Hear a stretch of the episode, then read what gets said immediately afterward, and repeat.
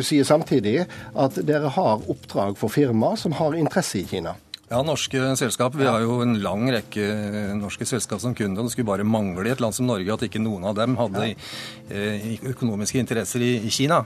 Poenget, poenget er at vi har ikke et sånt oppdrag som Harald Stanghelle prøver å få det norske folk til å tro at vi har. Det er skjulte agendaer. Det er det denne saken handler om. Ikke hvorvidt det er legitimt eller ikke å, å, arbeide for et godt forhold til Kina. Det er måten det skjer på, og det er med skjulte motiver. Ja, Da må du svare på dette med hemmeligholdet. Ja, altså, For det første så har jeg lyst til å si at uh, Hannes Kartvedt nå uh, demonstrerer for all verden og for åpent kamera at uh, det jeg sa i sted, er helt riktig. jo, men Nå vil jeg at du skal svare ja, på det med hemmeligholdet. Hvor, hvorfor ble det ikke gjort opplyst om hvilke interesser Morten Wetland hadde? Bølgene har gått høyt, og debatten har vært hard i tiden etter politisk redaktør i Aftenposten, Harald Stanghelle, onsdag den 21. mai i en kommentarartikkel med tittelen 'På svertetokt for kineserne' bl.a. skrev dette. Imidlertid kan gode, men ubekreftede rykter fortelle at kinesiske interesser har leid inn First House til kampanje mot Torbjørn Jagland og Nobelkomiteen. Påstanden er nå anket inn for pressens faglige utvalg. Hva gjør slike konflikter med kommentarjournalistikken, og betyr dette en innstramming i forhold til meningsjournalistikk, og utløser det samtidig imøtegåelse? Dette er noe av det denne utgaven av Kurer tar opp. Kurer. NRK P2. Jørgen Alnes er stipendiat ved Institutt for media og kommunikasjon ved Universitetet i Oslo, og slik definerer han kommentarjournalistikken. Et viktig, forskjell, eller viktig skille i journalistikken er skillet mellom kommentarartikler og nyhetsartikler. Og eh, liksom den eh, mest synlige, øyenfallende forskjellen er at i kommentarartikkelen så sier journalisten hva han eller hun mener. Eh, og journalistens synspunkter, meninger og analyser er det sentrale. Mens i nyhetsartikkelen så prøver journalisten å være mest mulig eh, nøktern og så objektiv som eh, han eller hun klarer å være. Det er liksom hovedforskjellen mellom nyhetsjournalistikk og kommentarjournalistikk. Denne subjektiviteten som, som kommentarjournalistikken står for, betyr det at avisen står inne for den, eller er det den enkelte kommentators mening? Som regel så er det den eh, enkelte kommentatorens mening. Altså, Innenfor eh, det som vi kaller for kommentarjournalistikk, så har vi jo veldig mange sjangere. En av dem er lederartikkelen, og det er jo eh, avisens eh, mening, som regel. Eh, og så har vi eh, et stort spenn av ulike former for kommentarer. Den ene yttersiden så har du liksom kåseriet og apetien, som er ekstremt subjektiv og ofte, ofte ironisk og sarkastisk. Uh, og så har du uh, spaltistkommentarer, som ofte er de eller ofte er folk utenfor avisen. Dagbladet er f.eks. Katrine, Katrine Sandnes eller Knut Nærum som skriver på lørdager. Og så har du um, en, en, sånn tradisjonell side tre-kommentar som er uh, kommer hver dag, som står på side to eller side tre. De fleste aviser har det, hvor en av avisens ansatte, som regel redaktørene, får omtrent en hel side til å kommentere noe dagsaktuelt. Og så enda, eh, enda mer hva skal jeg si, eh, analytisk og mer nøkternt og mindre subjektivt er da ofte de kommentarene som står på seksjonssidene. F.eks. hvis Ola Storeng i, i Aftenposten kommenterer økonomi, eller det kan stå en kommentar på kultursiden som er mer analytisk og mindre subjektivt. Og så igjen, bortenfra her har du korrespondentartikkelen som er grenselandet mellom kommentar og øh, nyhet. Men innenfor dette spennet her så er det da mer eller mindre subjektivt. Men det som er viktig å være klar over, er at det er mange former for kommentarer. I noen er kommentatoren veldig synlig med sine synspunkter og meninger og fortolkninger. I andre er kommentatoren mer analytisk og prøver egentlig bare å oppsummere en situasjon. Har du inntrykk av at kommentaren i dagens aviser er viktig stoff? Ja, det er jo kjempeviktig. Det er også skjedd ganske mye med kommentaren eh, og kommentarens omfang de siste årene. Bare i, eh, på nettet så har kommentarene i løpet av, altså på nettavisene kommentarene blitt mye mer synlige. Eh, det er ikke så veldig mange år siden, fire-fem år siden, så, så var det mye mindre kommentarer på nettet. VG hadde inntil, inntil for Det var vel i 2011, tror jeg, at de begynte å ha kommentarer på nett. Før hadde de ingenting. Det var mange som trodde at kommentaren kom til å være forbeholdt eh, papiravisen, at den skulle være papiravisens trumfkort, men nå er det jo til stede også på nett. Det har jo vært eh, debattert en del eh, blant pressefolk, dette med å gi tilsvarsrett i, i kommentaren. Hva syns du om det? Når det gjelder samtidig imøtegåelse av, av faktiske opplysninger,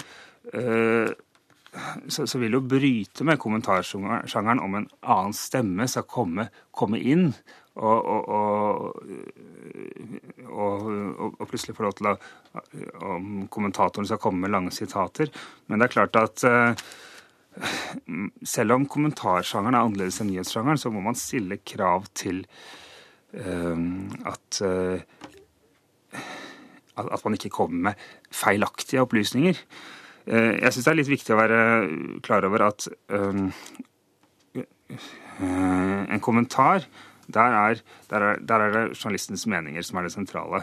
Men eh, journalisten farger også framstillingen av eh, hendelsene, og man, man, er i større grad fri til å, eh, til å bruke et litt mer levende språk, eh, litt flere språklige bilder, litt flere overdrivelser, og dermed farger også Eh, kommentarsjangeren, framstillingen av fakta eller eh, helt konkrete opplysninger på en annen måte enn en nyhetsartikkel. Så man kan ikke stille nøyaktig de samme kravene.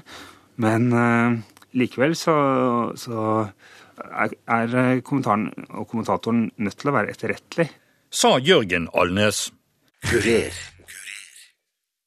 Generalsekretær i Norsk Presseforbund, Kjersti Løken Stavrum, sier dette om kommentarens posisjon. Jeg vil si at kommentarartikkelen står veldig sterkt, og står kanskje også sterkere enn den har gjort, fordi det etter hvert er så mange stemmer som har kommet på banen nå. Med, med sosiale medier og med bloggere, så har vi jo blitt klar over og fått lov til å ha gleden av mange også utenfor de etablerte mediene som har god kunnskap på sine fagfelt, og som er eh, villige og ønsker å bidra med det. På, på kommentarplass NRKs satsing på ytring f.eks. Er, er jo et uttrykk for nettopp det at flere vil være med i den offentlige debatten. Men det er vel etiske kjøreregler her også, i og med at man eh, si, har såpass mange også utrente i, i, dette, i denne floraen? Ja, og det som er viktig er at Eh, kommentaren er jo en meningsytring, men, men den har ikke noe, noe, spesielt vern, altså teknisk, eh, innenfor presseetikken. Kommentarer eh, er også en del av pressens Vær varsom-plakat og, og etiske regelverk. Eh, nå har det jo vært eh, mye debatt rundt, eh, rundt spesielt da Harald Stangels artikkel i Aftenposten den 21. mai, hvor han bygger Han sier det jo rett ut at han bygger sin mening på gode, men gode rykter, men ubekreftede. Når, når, man opplever slike ting, og den stormen og debatten som har vært i etterkant, kan det føre til en innstramning i, eh, i, i eh, regelverket rundt, eh, rundt praksisen man har omkring det etiske? Nei, jeg tror ikke det. Og det som var spesielt med akkurat den kommentaren, eller debatten debatten rundt den kommentaren var at den debatten var allerede i gang i pressekretser, fordi eh, Pressens faglige utvalg hadde hatt to fellelser eh, i våre som, som skapte kritikk eh, fra noen. Den ene var en fellelse av Stavanger Aftenblad som hadde publisert en kronikk der det var et, en anklage om at den omtalte i denne kronikken hadde vært truende eller hadde truet, som altså da var en faktisk påstand. Eh, og den andre saken som skapte debatt, var en fellelse av VG i en kommentarartikkel. Den ble ikke felt for at man ikke fikk svare samtidig på kritikken, men det gikk på en faktapåstand som, som utvalget mente at VG på det tidspunktet burde vite at det ikke var riktig. Det var et parkeringsselskap som ble anklaget for å ha eh, gjort noe som, som var omstridt da. Og de to sakene var da allerede bakgrunn for, for en ganske frisk debatt i, i, pressen. Og så kom denne kommentaren til Harald Stanghelle og, og, kan du si sånn fagmessig føyde seg inn i, inn i den debatten, da. Eh, dette som du var inne på nå med samtidig møtegåelse eh, av eh, si, faktiske opplysninger når man har en meningsytring, er det en vei å gå å bake dette sammen, altså både meningsytringen og den samtidige møtegåelsen, hvis man har påstander som, som man føler at man bør si, lufte til den det gjelder? Altså, dette området som, som, vi i pressekretser kaller 414, men som altså handler om samtidig imøtegåelse, er veldig vanskelig eh, når det kommer til kommentarartikler. Fordi kommentarer er jo, er jo eh, verdivurderinger, skal jo være synspunkter og meninger. Og, og det skal det, og må det, eh, være høy eh, takhøyde for. Men ofte er det sånn at kommentarer har i seg påstander som er det vi kaller påstander av faktisk art. Altså sterke beskyldninger av faktisk og etterprøvbar art. Og da utløser de påstandene det vi kaller samtidig imøtegåelse. Eh, og, og, det er vanskelig, fordi at når du da har en kommentar som, som er frisk og sterk, og, og, inneholder da elementer, så kan du jo ikke plutselig begynne å sitere en, den som skal svare på det inni kommentarartikkelen. Og da er det sånn at eh, det mediet som, eh, som en, er i ferd med å publisere en sånn artikkel, må jo da løse den samtidige imøtegåelsen på en annen måte. Ofte gjøres det ved at man lager en artikkel i tillegg, hvor man intervjuer den personen som, som, som får disse faktiske påstandene mot seg, og så får da vedkommende, vedkommende person eller institusjon lov til å svare på de samtidig. Og da har man ivaretatt presseetikken. Og så er det jo da øh, en vurdering om er det sterke øh, faktiske beskyldninger, eller er det bare en verdivurdering. Hvis vi eh, kan bruke et annet eksempel, så, så var jo akkurat det det som var striden da Dagbladet nå helt opp til Høyesterett hadde eh, saken eh, om Erik Schenken, ikke sant. Da var det da Da sa jo Høyesterett med dissens at det var en, en, en fakta påstand eh, at eh, Schenken og hans eh, makker i bilen hadde vært rasistiske, mens et mindretall mente at det var en verdivurdering. Og det viser også da hvor, hvor vanskelig disse grensedragningene er.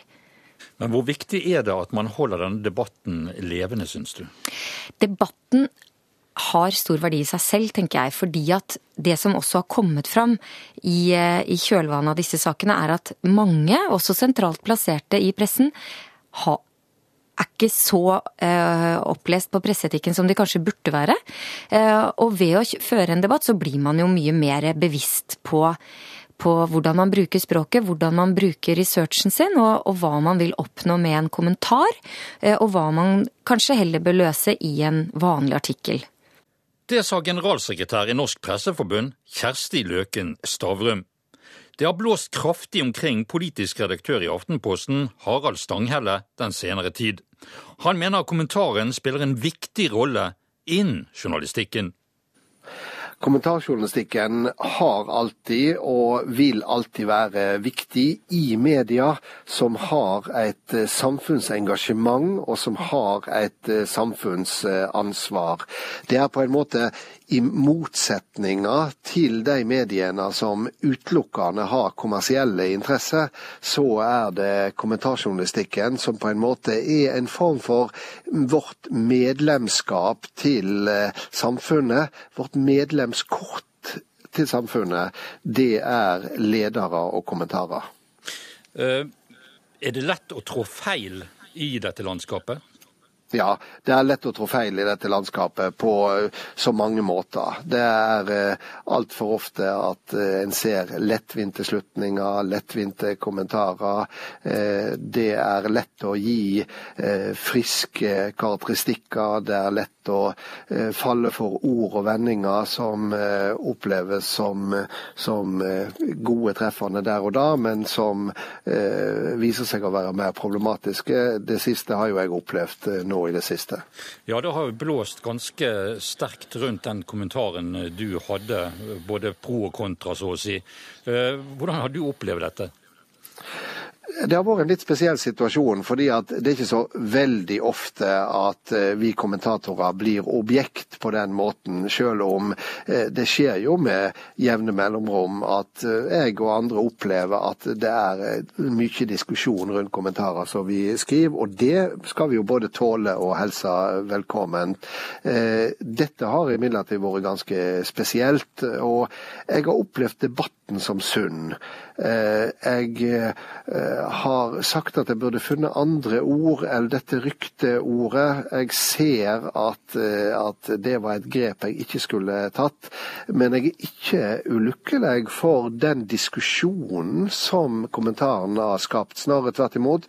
Eh, det har både skapt en god og sunn diskusjon om kommentarjournalistikk, men det har også eh, skapt en god og viktig diskusjon om påvirkningsbyråenes arbeidsmetode. Og det er dokumentert mye i ettertid som ikke gir meg rett i mine brutale spørsmål, men som har fått fram andre og viktige sider ved den virksomheten.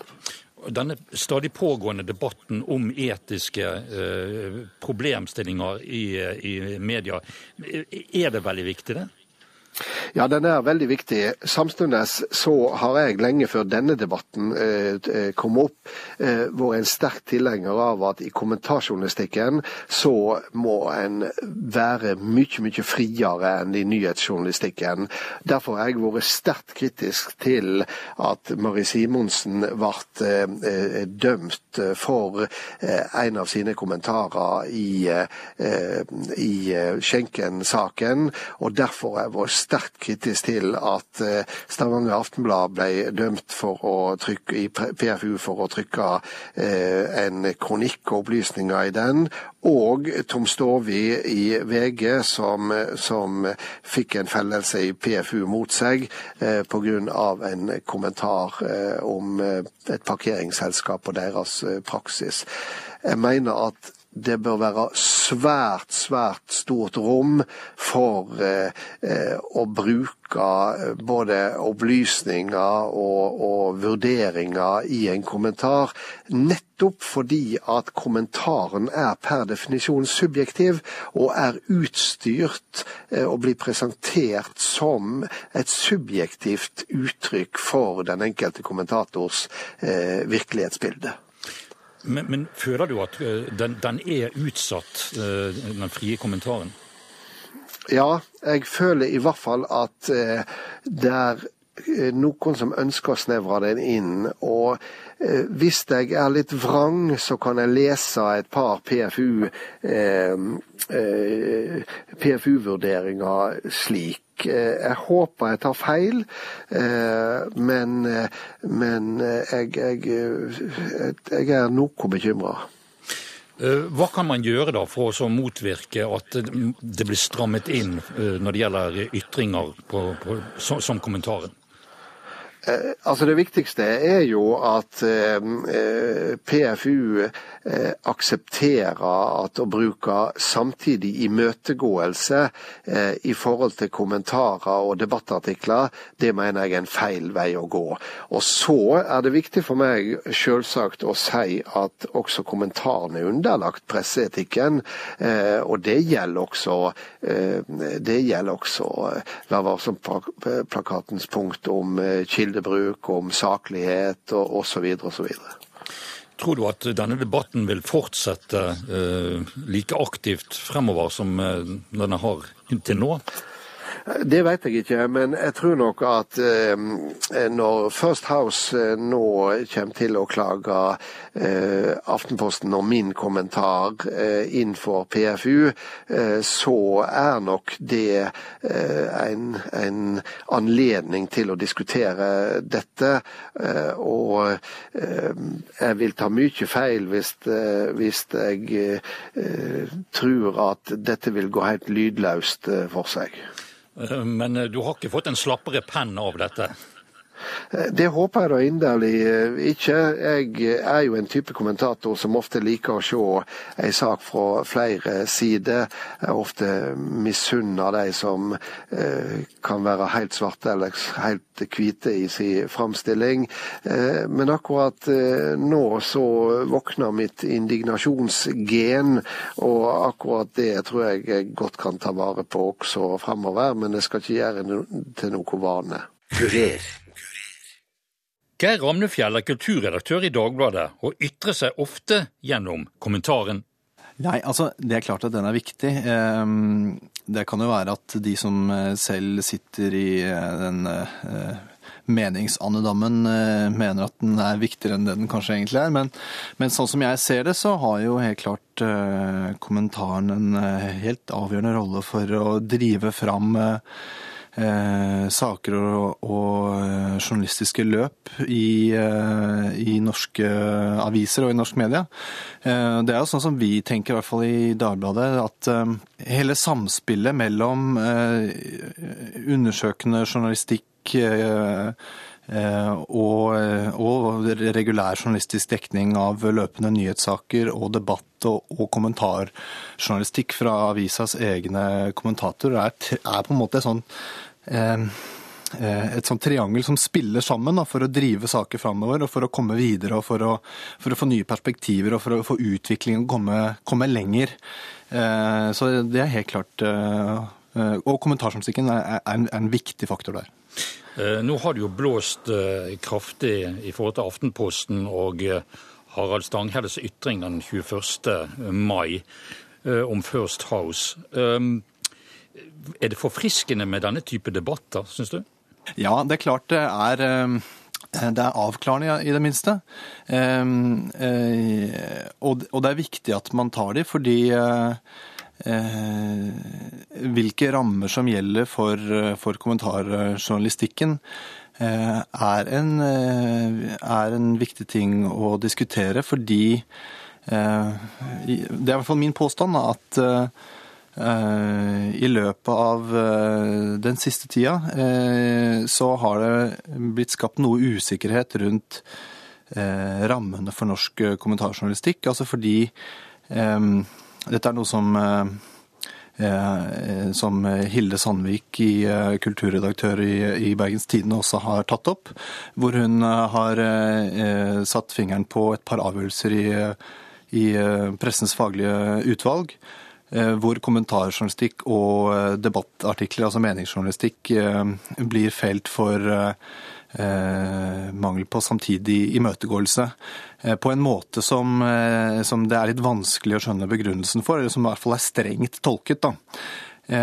Og så har jo Arne Jensen i i eh, Redaktørforeningen eh, vært ute og sagt at uh, det er ikke noen flere fellelser nå enn tidligere, men, men, jeg mener debatten har blitt tydeligere. Uh, og hvor uh, tendensen til å tolke strengt hvilke rammer som skal gjelde for kommentarjournalistikken, har blitt, har blitt framhevet. Og med til historien hører selvfølgelig at, at vi i Dagbladet ble jo dømt i Høyesterett for for eh, eh, kommentarjournalistikken som vi eh, bedrev i, forbindelse med Erik Schenken-saken, som også jo er en omdiskutert og omstridt Eh, dom som, som, vi har uh, anka videre.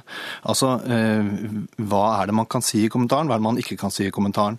Og Hvis jeg skal fortsette mitt lange resonnement, så, så, vil jeg også si det at det som var litt interessant eller oppsiktsvekkende i denne saken, det var at Kjersti Løken Stavrum så raskt etter kommentaren til Stanghelle ytret seg flere steder om at dette måtte være greit. Eh, og Det er, står litt i motsats til den eh, litt mer restriktive holdningen som hun har hatt til, eh, til prinsippet om om eh, sjangernøytrale eh, regler i, presse, altså i pressens etiske regelverk. Altså at, at eh, reglene som gjelder for reportasjen, også skal gjelde for kommentaren. Og Da blir sånn spørsmålet hvis, hvis ikke Stangeles kommentar også da skulle rammes av disse litt strenge samtidige imøtegåelseskravene, hvilke typer påstander i kommentarartikler skulle da rammes av det?